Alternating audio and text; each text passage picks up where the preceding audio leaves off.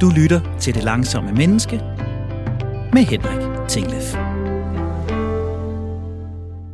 Jeg gjorde det rent faktisk.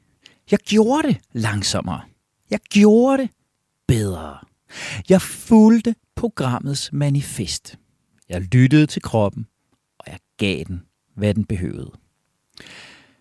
Det var her øh, forleden dag. Jeg havde haft nogle ret lange, ret intense dage. Jeg havde set og talt for rigtig mange mennesker. Jeg var slidt. Du ved, der hvor man ikke bare sådan er træt, øh, åh, jeg orker det ikke lige, men der hvor man føler sig som et par godt udtrådte gamle gummisko. En bil, der kører på fælgene. Eller, som min datter vil sige, som havregrød. Problemet var bare, øh, jeg havde ting, jeg skulle lave. Det var midt i ugen, ingen weekend i udsigt lige med det første, og der lå ting og ventede på mig, som ikke rigtig kunne udskydes. Jeg havde rent faktisk sat mig ved skrivebordet. Jeg havde også tændt computeren, men jeg kunne mærke, at min krop kæmpede imod. Jeg havde den der fornemmelse af, ah, jeg, jeg kan bare ikke. Men så, så trådte det langsomme menneske til. Jeg klappede MacBooken i, jeg lagde mig på min sofa, trak tæppet godt op over mig, og så sov jeg. Som en sten. Klokken var 9.30, da jeg lagde mig. Den var 13.45, da jeg vågnede. Og så var den faktisk kun 15.30, da jeg havde færdiggjort arbejdet på rekordtid. Producer Andreas kan bevidne det, for han blev tæppebumpet med e-mails i de knap to timer, ordene fløj ud af fingrene på mig. Og det er altså en 100% sand historie, det her. Og det er også 100% sandt, at det nok er første gang nogensinde, at jeg har taget så drastiske midler i brug. Jeg har før lige taget en kort lur, og jeg har givet mig en halv times pause og så prøvet igen. Men jeg har aldrig lyttet så meget til kroppen, som den dag der i sidste uge. Og aldrig givet så meget efter, som jeg gjorde der. Og derfor har jeg heller aldrig mærket effekten så meget. For jeg var et andet menneske, da jeg vågnede. Et mere effektivt, mere kreativt og langt mere fokuseret menneske. Netop fordi jeg havde været langsom. Eller havde jeg været langsom? Det er jo det, der er spørgsmålet. For jeg føler mig overbevist om, at det samlede tidsforbrug på opgaven havde været nærmest præcis det samme, om jeg sov eller ej. Hvis ikke jeg havde sovet, så havde jeg knoklet on-off hen over dagen med hovedpine, selvbebrejdelser, frustrationer og et langt ringere resultat til følge. Nu fik min krop og min hjerne den hvile, den behøvede. Jeg følte mig godt tilpas. Jeg fik nogle idéer, jeg fik dem hurtigt ned på papir. Og jeg havde det på alle måder bedre imens. Jeg var vel i virkeligheden hurtig. Det langsomme menneske sejrede. Det langsomme menneske skruede ned for tempoet og op for effektiviteten. Slap push-push-knappen og greb kvaliteten. Opgaven er nu at gøre det samme næste gang.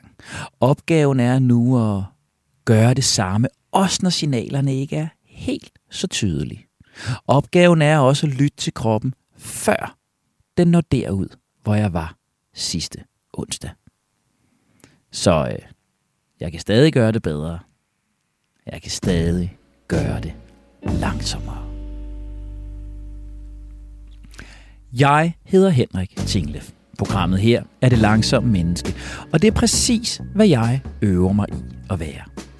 Rejsen er lang, men den begynder at være lidt mindre bøvlet, end den har været. Og du, du kan stadig nå at koble dig på. Vi har plads, og vi især tid til alle. Dagens emne er at lytte til kroppen. At følge manifestets tiende punkt. At være opmærksom på de små signaler. At beskytte kroppen mod rovdrift fra os selv. At give vores hjerne bedre rammer for at levere. Give os selv større nydelse og fornøjelse ved det, vi gør. Ved at give kroppen det, den rent faktisk beder om. Sammen med dagens gæster, der dykker jeg ned i spørgsmål som, hvorfor er det så svært at lytte til kroppen? Og er vi blevet dårligere til det med tiden? Hvad er det egentlig, vi skal lytte efter?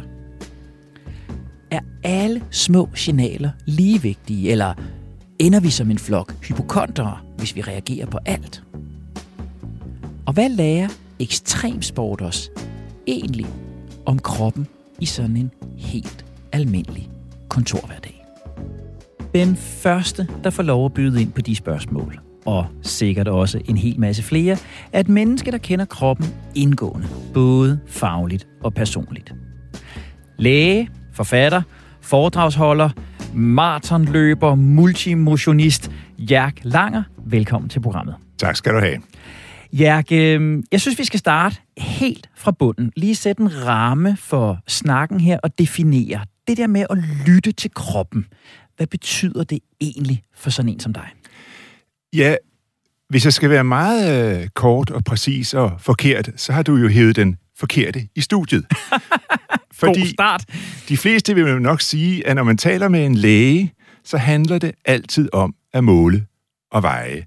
Altså, man har en patient, som der får lov at fortælle lidt om, at det gør ondt i knæet, eller man er lidt øh, træt. Men så starter hele maskineriet. Man kigger på patienten, man måler blodtrykket, og man tager blodprøver, som bliver analyseret. Man smider patienten i den ene eller den anden øh, scanner, man stiller en diagnose, og så giver man en øh, behandling. Det er den grove version, og sådan var det måske før i tiden. Jeg skal ikke afvise, at det stadig foregår lidt på den måde. Men jeg håber da også, at for at forsvare mit eget fag lidt, at vi er blevet bedre til at, som du siger, lytte til patienten, som jo i denne her sammenhæng ikke så meget handler om, at kun at patienten siger ondt i knæet, ondt i hovedet, kan ikke gå ret langt, eller hvad det nu er, øh, men at det også handler om, hvad patienten egentlig opfatter i sin egen krop. Hvordan har man det? Altså det her fortærskede spørgsmål, som jeg jo godt kunne, øh, især tidligere, fortænke psykologer i, psykologer i at stille rigtig ofte. Øh, hvordan har du det? Åh, oh, det har jeg levet af i mange år. Det er jeg ikke i tvivl om, og hvor man som sådan en naturvidenskabelig læge af den gamle skole tager sig til hovedet, ikke?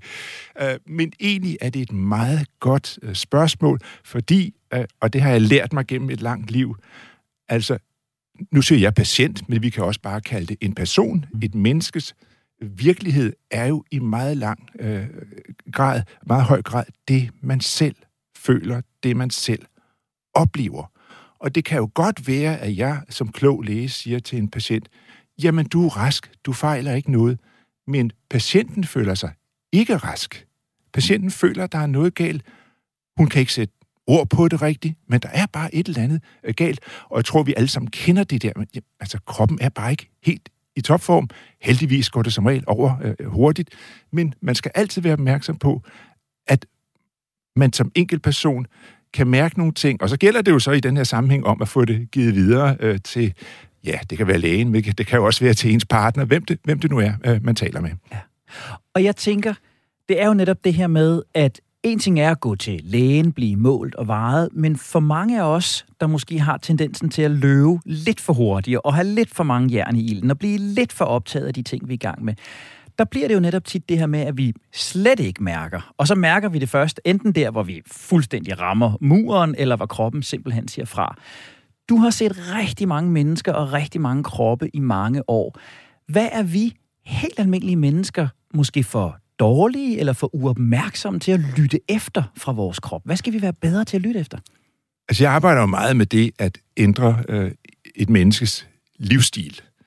Og øh, jeg kan sige til dig, hvis jeg som klassisk læge siger til dig, Nå Henrik, øh, nu skal du ikke spise så mange pomfritter mere, og nu skal du ud og løbe to gange om ugen, og så om 10 år, så er din risiko for at få en blodprop faldet med 17 procent det er jo en motivationsfaktor, der holder øh, lige indtil du får... 17 sekunder. Ja, sådan noget øh, lignende, ikke? Og der har jeg jo så blevet opmærksom på, at vi har jo alle sammen nogle tegn, som egentlig øh, er symptom på, at der er noget galt. Og det kan være, ja, det at man er træt, det er jo klassisk, men det at man bare føler, at det går lidt øh, for hurtigt, det man egentlig gerne, gerne vil have lidt mere tid, men øh, man stresser meget, klassisk der. Alle de der ting. Så jeg gør det ofte, og jeg siger til folk, ved du hvad, ja, du kommer, fordi du har slidgigt i knæet, og nu sætter vi dig til at spise nogle flere fisk og alt det der, men jeg vil egentlig gerne høre om, hvordan du har det om 4-5 dage. Jeg kan sige dig med fuldstændig sikkerhed, øh, din slidgigt i knæet har ikke ændret sig på 4-5 dage, men det jeg oplever folk sige, det er meget ofte nogle andre ting. Det er noget i stil med, ja, altså, jeg synes, jeg har det lidt bedre. Jeg, øh, jeg står lidt skarpere i spejlet, synes jeg afspejler igen, at deres, deres humør er blevet bedre. Ikke? Og min mand ser på mig med lidt kærligere øjne, afspejler, man egentlig er lidt mere afslappet og udadvendt og kærlig. Jeg sover bedre om natten, af, igen afspejler man stress. Ikke? Og det er jo de der simple parametre, som vi også skal lære at lytte til, fordi når de forsvinder på 4-5 dage, eller i hvert fald bliver bedre, så ved jeg, ja, om et par måneder, så har du det også bedre med det, du egentlig kom til mig med. Så jeg lytter meget efter de der tegn. Vi skal alle sammen være opmærksom på det. Vi ved det jo godt alle sammen, at ja. åh, nu går det lige lidt for hurtigt her. Øh, problemet er så, vi reagerer ikke på det. Vi lader det bare køre. Alle kender historien med de begyndende stresstegn, og man kan slå op i en hvilken som helst øh, øh, psykologibog på første side, så står der, at de her tegn skal man være opmærksom på, og det gør vi jo ikke. Vi skal helt hen på side 200, hvor man er endt i kronisk stress, og kroppen bryder sammen. Præcis. Og jeg tænker, lad os prøve at skære helt ind til benet, fordi du nævner nogle af dem her. Nogle af dem, der er lidt mere håndgribelige, end dem, der står på side 1 og 2 i psykologibogen. Ikke? Jeg står lidt skarpere i spejlet. Min partner eller min kollega eller dem, jeg omgås, kigger anderledes på mig. Hvad er der mere af, hvad skal vi kalde det, subjektive sundhedstegn, som vi i virkeligheden skal være opmærksom på? Altså, jeg har nogle gange sådan noget med, jeg kigger på mine kinder. Jeg synes, jeg kan være sådan helt hævet i ansigtet nogle gange, hvis jeg har, har, har været lidt for travl, lidt for belastet. Hvad er der af de der tegn, vi kan holde øje med, hvor kroppen ligesom siger, hey Henrik, skru lidt ned? Man går jo typisk i to retninger. Enten er det de fysiske tegn, og det er sådan noget med, at hjertet banker lidt for hurtigt, og man sveder i håndfladerne, og øh, man, man taler for hurtigt. Oh, ja. Alle de ting der. Øh, og man er ikke vågen, rigtig, fordi man sover dårligt om natten. Men jeg synes, og også fordi det er noget, man ofte glemmer, at vi har også nogle psykiske ting, og jeg vil egentlig kalde det vores adfærd. Hvis man tænker efter, kan man godt forstå det der med, at man taler ikke særlig pænt til resten af familien. Altså man bider af. Man er ikke nærværende i en situation, hvor familien sidder omkring spisebordet, man sidder bare og tænker på sit arbejde, sit projekt, øh, et eller andet. De der ting. Og en ting, jeg ofte bruger, øh, når jeg har sundhedsklienter, det er, at jeg spørger dem, øh, hvor meget, hvor meget fjernsyn ser du egentlig? Ja. Fordi fjernsyn, ja, det kan da være meget sjovt at se en serie på, på Netflix, det er da fint nok. Men hvis folk sidder hele aftenen og kigger fjernsyn, så ved jeg, at det er et symptom på, at der er noget galt Altså, fordi de har ikke overskud til at gøre noget andet. Og jeg kan godt sidde og sige alt muligt med, ja, øh, forskning viser, at hver gang du har set en times fjernsyn, så dør du faktisk 22 minutter øh, tidligere. Altså, så voldsomt er det i hvert fald i gennemsnit. Men jeg bruger det egentlig mere som et tegn på, at folk har ikke det overskud, og også det omvendte, altså når folk siger, ja, men øh, vi er egentlig holdt op med at se fjernsyn, og så ved jeg så, jamen det betyder, at øh, de kommer en time tidligere i seng. Ja. Jamen så sover de bedre. Det betyder, at de ikke stresser så meget. Det betyder, at de har overskud til at lave noget andet sammen, end, i stedet for at sidde øh, foran tossekassen i sofaen og blive, øh, ja, få, få øh, firkantede øjne og brede numser, ikke? Det er jo det, der sker, ikke? Ja. Og så de der psykiske adfærdstegn, hvor en til jeg også vil regne, regne Øh, fjernsyn, øh, det om man går en tur, det om man øh, går ind i en butik og køber mad, i stedet for at få det hele leveret. Altså alt sådan nogle tegn, det skal man også være opmærksom på. Det er signaler fra kroppen. Og det vil sige, det du i virkeligheden siger her, det er, at hvis vi graver bare en lille smule dybere i os selv, så ved vi jo godt, hvad er det for en adfærd, jeg har, når jeg har overskud, så går jeg en tur i stedet for at se fjernsyn. Jeg nyder at gå og købe ind og blive inspireret til, hvad jeg skal lave til aftensmad, i stedet for at bestille den der forpulede måltidskasse. Jeg taler langsommere og mere afslappet med mine børn. Hvad er det for en adfærd, jeg har, når jeg er stresset, eller når jeg er ude af balance? Jamen, så ser jeg rigtig meget fjernsyn, jeg forsvinder ned i min mobiltelefon, jeg spiser hurtige kalorier, jeg går stærkere, jeg bliver måske småaggressiv i trafikken, og bruge de der pejlemærker som, som en indikator for os selv. Er det sådan et, et, et positiv, negativ adfærdsmindset, vi skal have inde i hovedet og måle efter? Det synes jeg i høj grad, og jeg kan også lægge en ting til det, du siger, at det så skal vi så i bredeste forstand lytte til vores krop og til vores adfærd, men vi skal også lytte til, hvad andre siger til os. Uh, altså, de siger, ved du hvad, jeg synes simpelthen, den sidste måned, så har du ikke været der for dine børn. Eller sådan noget der, ikke? Og det ved vi jo alle sammen godt. Det er enormt irriterende at blive rettesat. Mega. Ikke mindst af, af folk, man kender godt, ikke? Og så bider man det måske af. Men så skal man i en stille stund, sige, jamen det kan jo godt være, at der er noget om det, og hvorfor reagerer jeg egentlig på denne måde? Og øh, så, så brug det som et tegn på, at der kan være et eller andet galt. Der kan altså også være noget fysisk galt med, med en, når man gør det på den måde. Og øh, så kan jeg også godt love for, at i det øjeblik, man begynder at ændre sin adfærd, øh, så får man en meget positiv respons for vedkommende, der oprindeligt brokkede sig lidt over, hvordan man agerer i dagligdagen. Og jeg kan jo ikke lade være. Som gammel klinisk psykolog, så har jeg jo siddet med et utal af angstpatienter, der har været overopmærksomme på deres kroppe, og hvor hele angstproblematikken har bundet i, at de jo kunne hjælpe med at have bemærket hvert et hjerteslag, og hvert et åndedræt, og hver en lille muskulær sammentrækning.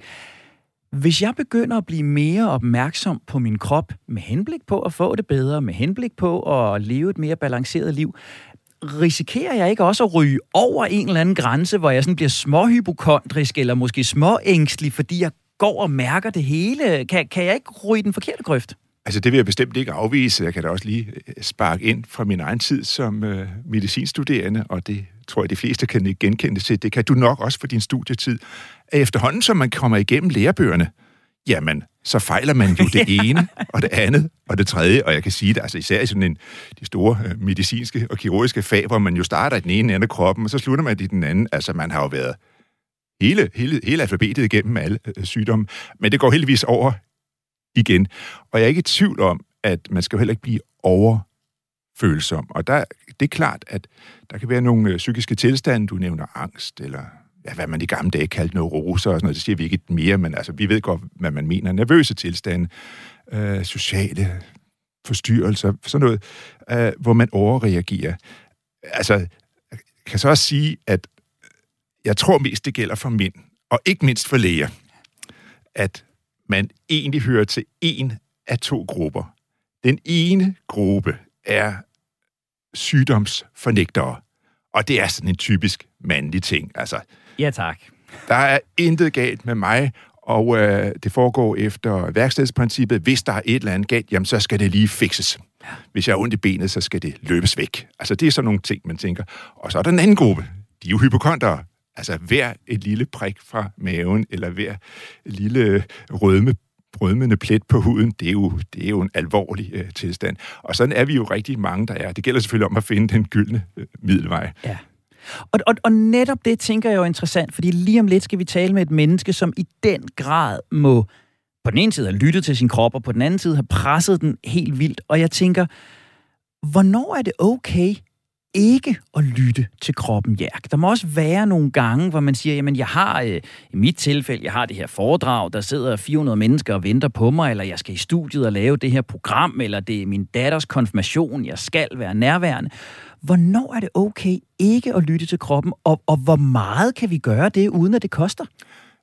Altså, vores krop er jo beregnet til at kunne modstå helt vanvittigt store belastninger. Det skal vi være klar over. Vores krop kan rigtig meget. Og øh, vi kan jo tage stresssituationen. Altså, vores krop er jo beregnet til at reagere med akut stress ved en trussel, eller der virkelig skal præsteres. Der står en sabeltiger, og så skal vi enten kæmpe eller flygte. Det kan vi alle sammen godt huske fra øh, biologitimerne. Øh, der, hvor det går galt, det er, når det var ved. Når det var ved, og tingene bliver kroniske Altså, øh, vores krop er eminent til at reagere på denne akutte øh, sabeltiger, eller der lige sker noget i trafikken, hvor vi skal... Men altså en, øh, en fuldstændig enerverende, urimelig chef, som dag efter dag øh, banker en øh, ned under gulvbrædderne på arbejdspladsen, det er vores krop ikke indrettet til. Og sådan kan vi egentlig sige om alt, hvad vi foretager os, at det er alle tiders at gøre noget, det er alle tiders at træne noget, men det skal måske ikke tage overhånd, fordi så begår det fra at være akut til kronisk. Og hvordan ser du udviklingen i det? Min hypotese vil jo være, at det var mennesker bedre til i gamle dage, havde jeg nær sagt. Mine forældres generation, mine bedsteforældres generation, var man måske bedre til den der stemplen ind og ud. Ikke? Nu gør vi det akutte, nu er der lige to dage, hvor der virkelig er pres på, nu er der lige den her situation. Min hypotese vil være, at vi moderne mennesker, min generation, mere og mere sidder fast i det der helt øh, kontinuerlige high arousal, kontinuerlige høje pres. Er det en udvikling, du ser, eller er det noget, jeg bilder mig ind? Altså, det er jeg jo helt enig øh, med dig i, og øh, jeg tror, at de fleste af vores forældre, i hvert fald vores bedste forældre, har jo haft et arbejde, hvor man mødte kl. 8, og så gik man kl. 16, og så havde man fri. Ja. Man behøvede ikke tænke på det før næste dag. Sådan er der jo meget få af os, der lever i dag. Altså har man et arbejde, der indebærer, at man læser e-mails. Øh, jamen, alle sidder jo lige kl. 22 om aftenen lige og tjekker det.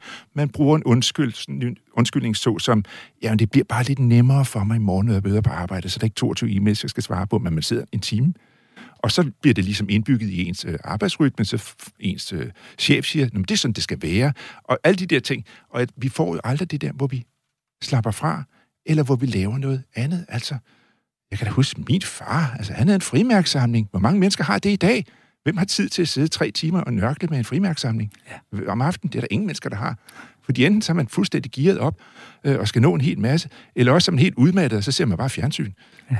ja.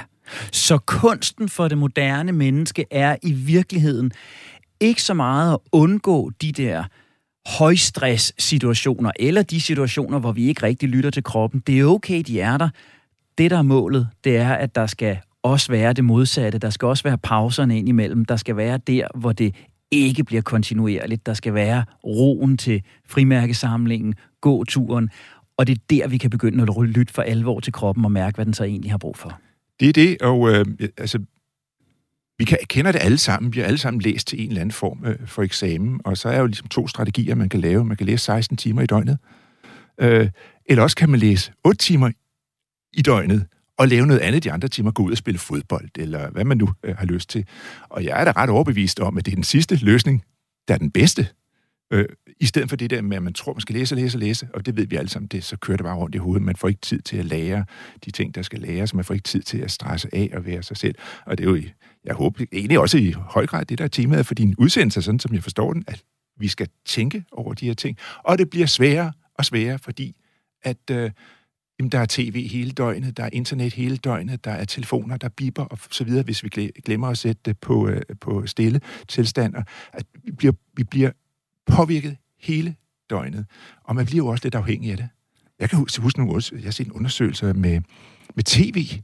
Altså det at kigge tv, altså jeg elsker jo tv-forskning, for det er så dejligt. Øh, der er så nogle gode resultater, men at man simpelthen kan se, der sker det oppe i hjernen øh, med nogle afhængighedsmekanismer, der går i gang. Altså om det er hjernens belønningscenter eller dopamin, det ved jeg ikke, hvad det er.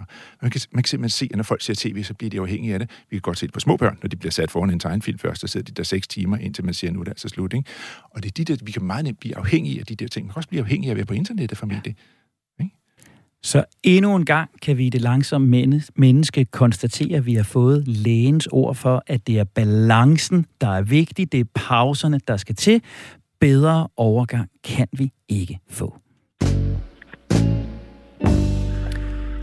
Har stillet ind på Radio 4. Programmet, du lytter til, er Det Langsomme Menneske. Mit navn er som altid Henrik Tinglef, og godt guidet af læge Jærk Langer, er både du og jeg lige blevet en hel del klogere på manifestets 10. sætning, og jeg har fået endnu mere motivation for at gentage min succes fra forleden med rent faktisk at lytte til kroppens behov.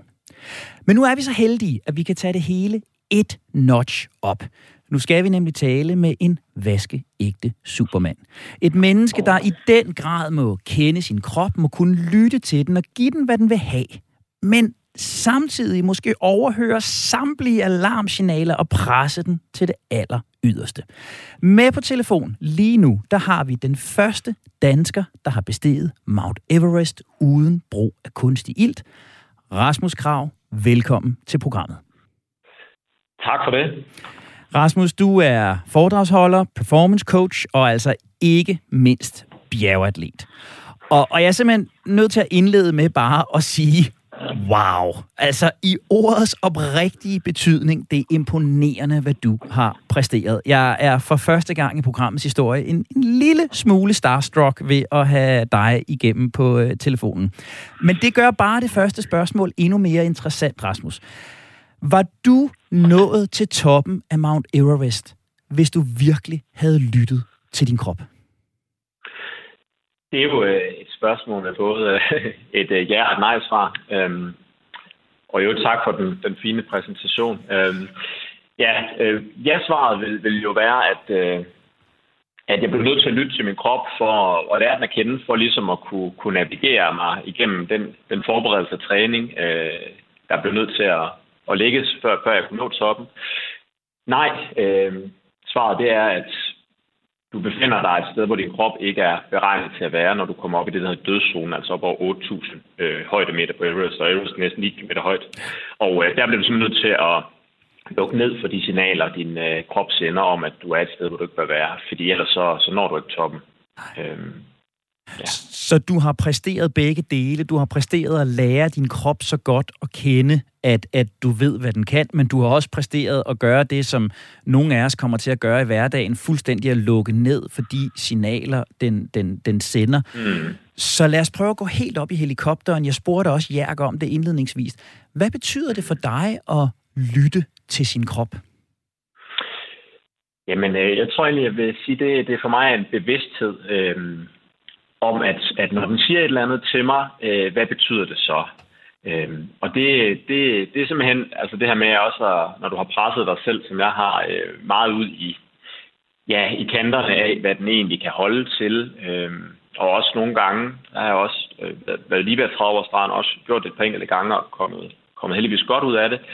Øh, så lærer man jo lidt om, hvor den røde linje går. Mm. Og det med at kende den, øh, det, det er jo ret vigtigt, fordi så ved man, hvilket råderum man har at, at navigere indenfor i forhold til, til, til alt lige fra smerte og ubehag til, øh, til også øh, til glæde og, øh, og motivation og alle de her forskellige ting, der kan være forbundet med at gå all in på et, et mål i, i fem år, som, som jeg har gjort med, med Mount Everest. Så det er langt hen ad vejen, det med at lytte til kroppen, er noget med at lære nogle grænser at, at kende? Ja, det vil jeg sige, og så, øh, så der er det i hvert fald for mig. Det er jo alt sammen relativt, øh, og man kan sige, at vi har jo alle sammen vores, vores øh, øh, komfortzone, ikke? Altså en, en kasse, hvor vi kender os, vores krop indenfor, den er, jo, den er jo bare defineret ud fra, hvad vi har, hvad vi har givet kroppen af, af lærdom. Øhm, jeg må sige, jeg har jo i hvert fald øh, rent fysiologisk presset min krop til nogle ekstremer. Øh, dermed kender jeg også øh, øh, nogle, nogle andre grænser, end de fleste gør, og også en helt anden tryghed ved at, at gå relativt langt, det som de, for de fleste nok vil være wow, øh, det er helt utænkeligt. Øh, til gengæld så er der andre sider af min krop, jeg måske ikke har dyrket så meget, ikke? Øh, som, som er, er den her, hvad kan man sige, øh, ja, altså, øh, for et eksempel, glæden øh, ved at, at være i bjergene, ved at dyrke, dyrke det på et sådan moderat og et, på et hobbyniveau, dyrke passionen i det, den har jeg jo undertrykt, fordi det var nødvendigt at køre det her over i at blive mere et arbejde, Øh, og det var nødvendigt for, for, for ligesom at kunne lykkes med det. Men den, det, der startede som passion, det, det, og glæden ved det, den blev jo ligesom undertrykt og øh, skubbet væk til fordel for, for præstation øh, med skyklapper på. Og det er en super central pointe, fordi jeg har ved Gud ikke bestedet Mount Everest. Jeg tror, det højeste, jeg har været op, er Himmelbjerget eller Grus Glockner eller noget øh, i den stil. Men jeg kender det der. Jeg kender det der med, at når presset bliver for stort, så går nydelsen væk. Den bog, jeg kunne sidde mm. og skrive på, som jeg synes er interessant og spændende, og som jeg jo kun skriver, fordi jeg har en passion for, for, for stoffet. Hvis jeg presser mm. min krop så meget, så forsvinder passionen. Så tænker du, det der, er det, gælder det både på toppen af Mount Everest og inde på Nykredits kontorer og på Sønderbøv øh, skole? Altså, er det alment menneskeligt? Ja, det, det, det synes jeg at næsten, at jeg vil, vil kunne sige, det er. Altså, øhm, det er jo med al respekt for, at, at jeg har min levet og oplevet virkelighed. Øh, Men altså, jeg synes, jeg har oplevet i mange aspekter, efter sådan, jeg sådan er begyndt at reflektere mere over det på bagsiden her, at jeg nåede toppen for, for to år siden, øh, at, øh, at, at det her med at sætte sin passion under pres, øh, det gør et eller andet øh, ved en i forhold til, til om det bliver, bliver drift, og, øh, og hvor motivationen ligger i det, ikke? Øh, kontra om man bare gør det for sjov Jeg tror i virkeligheden, det handler meget om formålet med det, man gør. Ikke? Er det et, et langsigtet mål, hvor du, du helt bevidst, altså helt bevidst ved, at det ikke er alle skridt på vej mod toppen. Øh, det var det jo ikke på mit bjerg. Det var ikke alle skridt, der kunne være sjove. Øh, til gengæld så var alle skridt nødvendige for at nå det, det, det mål. Ja. Så nogle gange er det nødvendigt at tage øh, og gøre en masse ting, som ikke nødvendigvis er sjove i sig selv, men de er meningsfulde i forhold til at opnå det mål. Så, så det vil jeg sige, det er jo almindeligt menneskeligt, og det tror jeg er rigtig vigtigt at gøre op med sig selv, at, øh, at, at hvis man tager en person og putter ind i sådan en kontekst, og driver den øh, exceptionelt hårdt, jamen, så risikerer man også at komme ud på den anden side og, og have en, en person, der er revet lidt i, i stumper og stykker. Øh, og så må man ligesom altså genopfinde den igen. Jeg tror bare, det er vigtigt, at man kender grænsen på det. Det må man sige, det, det, det gjorde jeg ikke, før jeg havde nået toppen og fandt ud af, hvilken pris det havde. Og jeg synes, det er, en, det er en super vigtig pointe, og jeg tænker i virkeligheden, det er en af dem, som, som jeg bare har brug for at gentage og sige, at det du i virkeligheden fortæller os fra toppen af Mount Everest, er, at vi risikerer nydelsen ved passionen, når vi presser kroppen helt derud. Det kan sagtens være nødvendigt, kortvarigt, men der er en pris i passion. Og nu markerer lægen herover, så ja, du vil gerne spørge øh, Rasmus om noget. Jo, det vil gerne lige fortsætte i det spor, Rasmus, fordi at, uh, mm. lad os nu sige, at du er de her uh, få hundrede meter fra toppen, og dine lunger skriger, og hele kroppen skriger efter ilt. Mm. Det, der driver dig op, det sidste stykke, er mm. det så din personlige vilje, motivation til at gennemføre projektet for at glæde dig selv? Eller lurer dig i baghovedet, at du går ud fra har nogle sponsorer og en kommende foredragsforretning, og altså sådan lidt ydre omstændigheder. Mm. Det, der driver dig, øh, er det i virkeligheden det, at du selv vil for at glæde dig selv? Det er jo et meget øh, interessant spørgsmål, jeg egentlig også har med i, i både min på og min foredrag. Det er øh, det her med, at jeg faktisk indset, at min motivation, den skiftede. Øhm, den starter med at være et ego-projekt, og masser af anerkendelsestrang øh, forbundet med det her. ikke. Øhm, jeg skulle op og se godt ud på den top, ikke? op og han fik to guldmedaljer om halsen, tage en selfie. Så var der, øh, så var der mere, øh, så gik det over til at blive mestring. Ikke? Jeg skulle mestre det her bjerg, alle skridtene til toppen. Det var det, der er det vigtige for mig. Det var at, at mestre det og minimere risikoen. Og det tredje, det tredje stadie, og det var egentlig der, hvor det blev rigtig interessant, og det var også derfor, jeg nåede toppen og holdt mig motiveret over tre forsøg, det var, at jeg følte mig som en, øh, en, form for fanebærer for Dannebro. Altså, øh, for at sige det lige ud, det motiverede mig så meget at vide og mærke, at der var så mange, der blev inspireret undervejs på den her rejse. Øhm, og at jeg på en eller anden måde følte, at jeg gjorde en forskel for andre. At så kan det godt være, at jeg gennemlevede en masse smerte og ubehag i min krop og i mit sind. Men der var så mange, det, det bare, blev ligesom bare op mod, at der var så mange andre, der kunne tage noget med derfra. Det er også derfor, det var vigtigt for mig efterfølgende at fortælle om hele den her rejse, både til toppen, ned på bunden af, af, af dybet og op igen, og finde sig selv i en ny version. Øhm, så på den måde, så vil jeg sige, jamen, i starten var det mit ego. Det var også en del af det, der drev mig derop til sidst. Øh, men jeg tror, det største og vigtigste, det var, at øh, målet blev større end mig selv. Og hvis vi så, Rasmus, fordi det er jo det, vi gerne vil med programmet her, vi vil gerne hjælpe de helt almindelige danskere, der ligesom jeg har lidt for meget tempo på i hverdagen, der bliver lidt for hurtigt engageret i de ting, vi øh, kaster os over. Hvis vi nu skal fra Everest til Everyday, hvad lærte bjerget så dig om kroppen, som, som du kan bruge i hverdagen i dag, og som du måske kan give videre til mig og alle de lyttere, der har det ligesom jeg? Jamen, øh, jeg tror, at øh, det, det har lært mig, det er, øh, der er mange, der vil kalde det, jeg har lavet for et egotrip. Øh, jeg tror for mig, der handler egotrippet ikke så meget om, at, at hele verden drejer rundt om dig. Det handler om at være bevidst om de ting, der er vigtige for en. Vælge sin egen retning øh, her i livet. Det vil sige, at at det har lært mig, at, at der skal plads til egoet. Altså det, der gør os hver især til dem, vi er. Ikke? De drømme, der er helt unikke for os. Dem skal der være plads til, men til gengæld så skal det balanceres med alt det andet i vores liv, som gør os til hele mennesker. Ikke? Glæden, øh, kærligheden, øh, alle de mennesker omkring os, og hvad der nu er, er vigtigt. Øh, og, og det er jo den, den balance, man hele tiden skal finde i forhold til, okay, jeg vil gerne det her, jeg drømmer om det her, men skal jeg gå efter det? Hmm, fordi det kommer til at koste det her.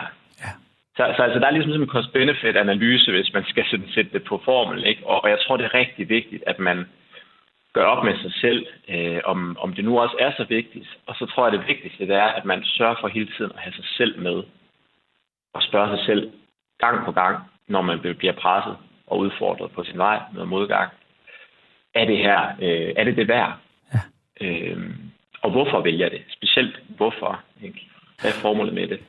Og når jeg skal afgøre, om, om noget er noget værd, så, så er der jo alle de rent sådan øh, mentale og fysiske parametre. Det er også lidt det, Jerke er inde på før. Programmet her vil vi jo gerne skære helt ind på det kropslige parameter. Hvad er rådet fra en som dig, der har, har tumlet din krop så perfekt, som du jo må have, siden du har præsteret det, du har? Hvad skal vi helt almindelige mennesker blive bedre til at mærke efter i vores krop, når vi skal mærke, om vi er på vej derud, hvor vi dræber passionen i, i jagten på at opnå, opnå noget? Hvordan mærker vi bedre efter i kroppen? Jeg tror, vi skal blive bedre til at stoppe op en gang imellem. Øhm, stoppe op og ikke nødvendigvis øh, afbryde det, det, vi er i gang med, øh, og sige, nu, nu skal jeg til en anden vej skal være bedre til at stoppe op og mærke efter. Mm. Føles det her stadigvæk godt? Øhm, hvis ja, når man fedt, der er en god mavefornemmelse, så skal man nok fortsætte. Hvis nej, hvordan kan det være, at det måske ikke føles godt? Det kan godt være, at man så finder ud af, at man skal fortsætte alligevel. Hvis det giver mening, det man gør. Men det er rigtig vigtigt hele tiden at, at have formålet med sit, sit mål og den retning, man er på vej i for øje. Lige, lige hvad kan man sige, realitetstjek den med sig selv. Stemmer det overens med den, jeg er, det jeg tror på, de værdier, jeg har det tror jeg er vigtigt at stoppe op og gøre det oftere, end vi gør. Så i øh. virkeligheden ligger en del af hemmeligheden i at tumle kroppen, i at være bevidst om vores værdier, være bevidste om den pris, vi er klar til at betale? Ja, og så er det selvfølgelig klart, nu får jeg tage det helt kropslige, øh, det her det kan jo også komme til udtryk, altså kropsligt, ikke? Ja. Øhm, som signaler, øh, kroppen sender. Det, det har jeg da, altså jeg har fundet ud af, at krop og sind hænger fuldstændig uløseligt uhjælpeligt sammen. Ikke? Øh, det ene påvirker det andet, og, øh, og det manifesterer sig ud i, øh, i begge dele, hvis man, ikke, hvis man ikke lytter til både det ene og det andet. Så, så det skal man have med i den ligning jo. Det giver afsindig god mening. Rasmus, jeg ved, du skal videre i dit program. Du er ikke på vej mod toppen, men du er på vej videre i programmet. Rasmus Krav, foredragsholder, performance coach og Altså et stor fed streg under første dansker på toppen af Mount Everest uden brug af kunstig ilt. Tusind tak, fordi vi øh, måtte ringe til dig, og altså endnu en gang mega godt gået. Det var en stor fornøjelse. Fortsat god dag. I lige måde, Rasmus. Din radio står lige nu ikke på toppen af Mount Everest, men på det langsomme menneske på Radio 4. Vi er programmet, der hjælper dig og mig med at skrue ned for tempoet og op for livskvaliteten. Vi er programmet, der i dag hjælper dig med at lytte bedre til kroppen. Jeg hedder Henrik Tinglef, og med mig i studiet, der har jeg læge Jærk Langer, der sammen med mig lige har lyttet til bjergbestiger Rasmus Krav. Og Jærk, du er jo også ivrig motionist. Du har løbet jeg ved ikke, hvor mange maratonløb du har cyklet herfra og til øh, evigheden. Du er vant til at presse din krop. Hvad tænker du sådan umiddelbart om det, Rasmus siger her, i forhold til på den ene side at lytte til kroppens signaler, og på den anden side dyrke egoet og de mål, man har, og presse kroppen ud over grænsen. Hvad er din umiddelbare reaktion som læge? Jeg bliver jo tit spurgt, om det er sundt at presse sin krop øh, så meget. Øhm, også fordi jeg jo selv har gjort det et par hundrede gange, mindst. Og øh, så svarer jeg med et øh, lille smil på læben, men med et lille græn alvor også. At, tager vi eksempelvis maratonløbet, jamen så er det helbredsmæssigt rigtig sundt at træne op til et maraton. Men på selve dagen bør man af helbredsgrunde blive hjemme og se det i tv. øhm, jeg det er jo egentlig sådan, det handler. At, at det der med, nu kender jeg jo mest til maraton, og kommer jo nok heller aldrig op, meget højt op over en uh, himmelbjerget som dig. Men der er jo en fascination af det der med at presse sin krop og øh, blive opmærksom på signalerne, lære, hvad er, det, hvad er det, min krop fortæller mig lige nu, hvordan håndterer jeg situationen, hvordan ligger jeg på grænsen uden at, at dejse om, omkring. Og der er jo rigtig mange mennesker, som løber maraton, og nu der forhåbentlig kommer til i gang med det igen, nu hvor det bliver øh, muligt. Og øh, jeg kan jo godt se, hvad det er, øh, der foregår. Det første løb, det handler om at gennemføre. Det er en personlig ting, man laver. Jeg skal gennemføre. Men der ligger også noget i det. Øh, det ser meget godt ud på CV'et. Jeg kan imponere de andre hen i frokostpausen. Nu er alle efterhånden løbet maraton, men... Selv jeg. Selv dig. Men på et tidspunkt sker der så det, at det bliver egentlig et personligt projekt øh, for en. Det bliver noget mentalt. Det bliver øh, et sted, hvor man har det godt, hvor man, håber jeg, og jeg gør det også selv nu, og meget analogt, at det, din udsendelse hedder Det langsomme menneske, så bliver det et projekt, hvor man ikke løber hurtigere, end at man kan smile hele vejen. Og det tager altså mange maraton, før man når dertil. Men så lærer man også noget om sin egen krop. Man lærer, at, at, at ens krop kan klare rigtig meget. Man ved godt, ja, det gør ondt, og du er træt, og dit blodsukker er lavt, og du er tørstig, og du har saltmangel, og alt det der. Men man ved også godt, at man kan komme igennem det. Og det er sådan nogle processer, man kan bruge rigtig mange andre steder. Altså, jeg bruger det selv. Så har jeg en bog, der skal være færdig, og jeg ved, jeg skal sidde op hele natten øh, og arbejde med det, men jeg, så lægger jeg bare en maratonstrategi og siger, ved du hvad, der er ikke nogen andre til at lave det end dig selv. Lad være med at piv. Du gør det frivilligt. Lad være piv over det der. Du kan bare lade være, hvis du ikke vil. Så kan du glippe nogle penge, men du har selv øh, bestemt det. Men, og så tager man sig sammen, og det er præcis det samme, man gør ved et maraton. Jamen, du kan da bare stå af efter 30 km. Der er der ikke nogen, der lægger mærke til det, men det gør man jo ikke, fordi man så ved, jeg kan godt komme igennem. Og det, de der ting i dagligdagen kan man faktisk bruge øh, rigtig meget. Det, hvor det går galt, det er, når der er nogle andre, der står og lægger krav ind på en. Og det er jo det, der skaber ofte den kroniske stress, når man ikke selv bestemmer og ikke selv får gevinsten. Så er det, du i virkeligheden fortæller mig her, at vi mennesker, der gerne vil lære vores krop bedre at kende, vi mennesker, der gerne vil arbejde mere balanceret i hverdagen, også med helt almindelige jobs i helt almindelige funktioner, at vi i virkeligheden kan lære meget om vores krop i ekstremsport, hvad end det så er de lange cykelture, eller de lange løb, eller klatreturen, eller hvad det måtte være. Skal vi derud for at lære vores krop at kende? Jeg synes, det er en rigtig god ting, at man kan lære af ens krop fysisk, også mentalt, kan klare mere, end man umiddelbart tror. Fordi det kan hjælpe en i mange situationer, sådan, som vi var inde øh, på før. Det kan nok ikke hjælpe en i situationer, hvor man som jeg også lige nævnte, der ikke er et sted, hvor man ikke vil være, hvor man ikke kan se nogen gevinst, ikke kan se nogen glæde ved det. Man har et møgarbejde, eller så tror jeg ikke, det betyder så meget. Men det kan lære en, at hvis man også i sit arbejdsliv og i sit privatliv kan komme ind i noget, hvor man egentlig føler sig godt tilpas. Altså et ægteskab, hvor man grundlæggende siger, jeg er det rigtige sted, jamen så kan det godt være, at der kommer kriser op og ned. Øh, fuldstændig analog til, at man er, bliver træt under et maratonløb. Men så siger man til sig selv, ja, sådan er det. Øh, nu vil jeg prøve at gøre det bedre, men vi skal nok komme igennem det. Ja. Altså sådan, det, jeg ved godt, det er lidt ja. primitivt at sige det, men det er sådan, jeg ofte tænker selv.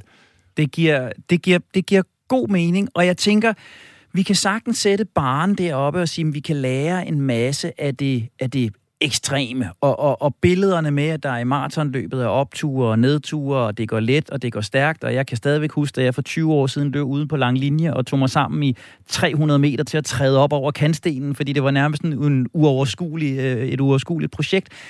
Men hvis vi skal skære det helt ned i hverdagen, Jærk, hvis vi helt almindelige mennesker, der bare gerne vil blive lidt bedre til at lytte til vores krop, hvor er det så, vi skal starte? Hvad er det, jeg kan begynde at være opmærksom på i min hverdag og give min krop mere af og lytte mere til? Åh, oh, det var sådan en rigtig psykolog-formulering. Øh, ja, og det præcis. kommer du til en hardcore naturvidenskabelig mediciner her. Nå, men jeg vil se, hvad jeg kan finde ud af. Uh, hvad kan jeg? jeg kan give et eksempel, og uh, som jeg ofte giver til mennesker, som uh, spørger mig, hvor meget skal jeg træne? Og jeg kan godt høre, det de siger er, hvor lidt kan jeg slippe afsted med? og der siger jeg altid noget i den her stil. Ved du hvad?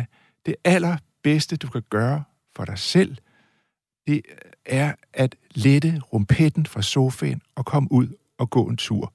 Og så skal du mærke efter, hvad der sker i din krop. Du vil helt sikkert, uanset om det er regnvejr eller ej, du vil helt sikkert mærke, at du har det bedre bagefter end før.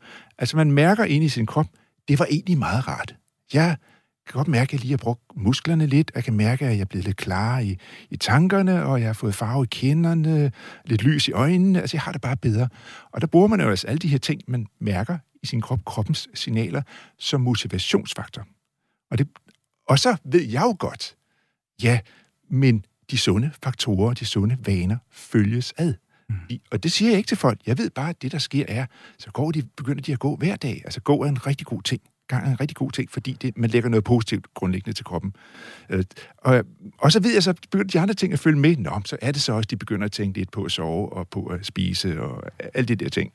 Men at på den måde med gang, bruge gåturen og bruge sin krops øh, signaler øh, som motivator, det er en fantastisk effektiv måde at komme i gang på selv, uden at man behøver at være maratonløber. Og der siger du netop kodeordet motivation der, og du, du, du driller den jo også netop med at sige, hvor, hvor meget skal jeg, og hvor lidt kan jeg slippe af med. Hvis vi nu skal prøve sådan med den klassiske motivation, pisk og gulerod. Øh, hvis, hvis jeg sådan her mod slutningen af programmet skal, skal have et par huskeregler, hvad er det, jeg opnår ved at blive bedre til at lytte til min krop? Hvad er guleroden ved at lytte bedre efter? Der er nok flere ting, og så spørger du igen en læge, så er jeg nødt til at sige, at øh, der er også signaler fra kroppen, som indicerer, at man, der kan være noget galt. Øh, og det behøver ikke kun være, at man hoster blod op eller noget i den stil. Det kan også være, at man bare ikke føler sig godt tilpas. Og vi skal huske på, at der er masser af sygdomme og tilstande, som man ikke kan mærke direkte. Jeg kan nævne et forhøjet kolesteroltal eller et forhøjet blodtryk. Ingen kan mærke det, men man kan måske godt mærke, at kroppen bare ikke er, som den er, og så ryger man videre til lægen, og så behøver vi ikke snakke mere om det i dag. Um, og nu, nu glemte jeg simpelthen, hvad du spurgte om. men, men simpelthen bare, hvad er det, der skal være min gulderod? Hvad får ja. jeg ud af at lytte bedre efter til mine kropssignaler? Det du så også kan gøre, det er, at du kan mærke, at der sker nogle positive forandringer i din krop. Jeg nævnte før eksemplet med, at man føler, at man har det bedre, når man har, har gået en tur.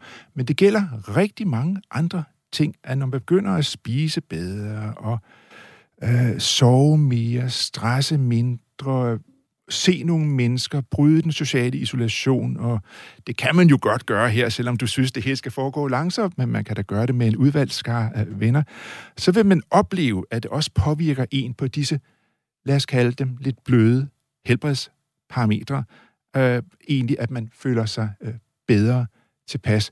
Og så skal man være klar over, at det, at man føler sig bedre tilpas, er også et tegn på, at kroppen fysisk og mentalt har det bedre, er også et tegn på, at vi 10 år ude, eller ude i, længere ude i fremtiden, egentlig nedsætter risikoen for en masse alvorlige sygdomme, som vi ikke kommer, behøver at komme ind på her.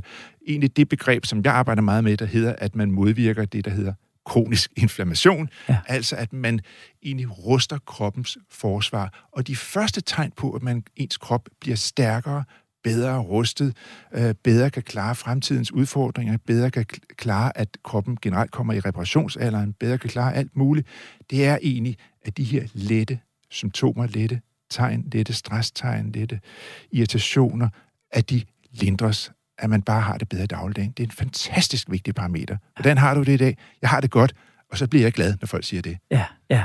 Og er det så også det, der er pisken, altså er det modsatte af det så pisken, at hvis ikke jeg bliver bedre til at lytte efter min krop, hvis ikke jeg får gået mine ture, lærer min krop at kende, mærker de små signaler, er prisen for det så, at jeg i virkeligheden overhører alle de tidlige tegn på noget, der skal gøres noget ved, at jeg i virkeligheden bliver mere trist, eller, eller hvad er det, jeg skal troes med, Jærk, hvis ja, jeg skal holde til fadet jeg her? Jeg bruger ikke sådan noget med, med trussel, og øh, jeg synes jo ikke, at man... Det gør psykologer. Ja, jeg synes ikke, man skal blive en øh, sundhedsapostel, og øh, hver eneste dag gøre alt øh, det rigtige, som øh, står i mine og andres bøger. Uh, jeg synes også nogle gange, at man bare skal være et menneske. Men hvis jeg siger det, der jeg kan, ikke, jeg, kan, jeg kan ikke lide det der ord trussel, fordi jeg, det, jeg oplever, er, at de fleste siger, når de kommer i gang, og det er typisk noget med at begynde at lægge kostvaner lidt om. Jeg siger ikke, at man skal på kur, så bare lægge det lidt om. Kom lidt i gang med at gå. Alle de der ting, vi snakker om hele tiden. det, de siger, er typisk, og det er efter en 21 dage, en måned, jeg vil aldrig tilbage til der, hvor jeg var før. Og når jeg hører det, så siger jeg mission accomplished. Fordi så ved jeg, at de i deres egen krop føler, at man gør noget rigtigt. Og der, så behøver jeg ikke stå der med min lægelige løftede pegefinger og tro om død og ulykker med statistikker og skemaer, jeg ved ikke hvad. Fordi så oplever folk, jamen jeg har det simpelthen bedre. Det er den stærkeste motivationsfaktor, der overhovedet er inden for livsstilsområdet. Jeg synes, jeg har fået det bedre. Og det er netop det, hele programserien handler om. Det handler om, at vi mennesker skal have det bedre. Have det bedre ved at skrue ned for tempoet, skrue op for nærværet, skrue op for kvaliteten i det liv, vi lever sammen og hver for sig. Og det betyder også, at vi er nået hertil. Det langsomme menneske præsenterer dagens slow hacks. Det vi jo rigtig gerne vil afslutningsvis, Jærk, det er, at vi gerne vil kondensere hele essensen af det her program i nogle helt konkrete handleanvisninger, i nogle helt konkrete råd. Det, som jeg og lytterne kan sætte i værk allerede i morgen. Du har været der med gåturen. Det er et rigtig, rigtig godt sted at starte. Det ene slow hack fra i dag kunne sagtens være at begynde at gå. Men hvis vi skal kondensere hovedbudskabet om at blive bedre til at lytte til vores krop i konkrete handleanvisninger, hvordan kunne det så lyde fra dig?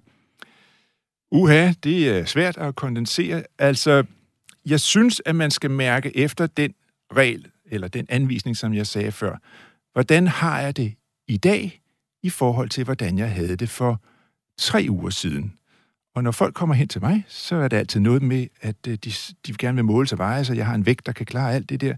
Men egentlig så siger jeg, ved du hvad, øh, gå hjem og kig dig i spejlet, øh, gå hjem og øh, mål dig om livet, og så lav et lille schema for dig selv. Skriv øh, humør, øh, smerter, øh, alle mulige ting, og så sætter du bare nogle krydser på en skala fra 1 til 10, den klassiske VAS-skala, men altså, det kan folk godt finde ud af. Og så ser de, at de har fået det bedre. Ja, der forhåbentlig. Så det er den vigtigste ting, man skal gøre, det er egentlig at mærke efter i sin egen krop. Det er det fortærskede udtryk, vi har talt om, men det er så vigtigt. Skal jeg sige nogle ting, som jeg synes, man skal gøre i sit liv, så er det altså gå, gå og gå stadigvæk. Og det må både være langsomgang, eller hurtiggang, eller stavgang, eller altergang, eller kavalergang. Det må bare ikke være tomgang. Ikke? Men jeg er også nødt til at sige, at jeg synes, man skal tænke lidt på, hvordan man spiser. Det behøver ikke være så svært, men det, som alle jo gør, og det, jeg synes er så fantastisk, og som jeg gerne vil få folk til, det er jo noget med at blive lidt mere plantebaseret, og så gerne spise nogle øh, fisk. Og så synes jeg så, hvis vi bevæger os mere over den psykologiske afdeling, øh, at det er så vigtigt, at med et udtryk, som jeg ikke er så glad for, men at være mindful, som jeg ikke egentlig ikke rigtig forstår, hvad det betyder. Jeg, jeg kalder det mere at være til stede i nuet. Det er ja. sådan, jeg forstår det. Det er vist det samme. Altså, at vi husker på, at vi har kun et liv. Og altså, uanset hvor sund og glad og frisk og bjergbestigende man er, så kan det slutte i morgen. På, og det kender vi alle sammen situationer på. Der sker noget meget tragisk. Så man skal altså huske på, at man har det et ene liv, man skal være til glæde i dag. Man behøver ikke være perfekt hele tiden. Det gør man ikke. Men man skal gerne være glad det meste af tiden. Det kan ikke siges meget smukkere, Jærk. Jeg tænker, at det, jeg skal kondensere ind i, det jeg tager med mig fra programmet i dag, det er i virkeligheden fra toppen af Mount Everest.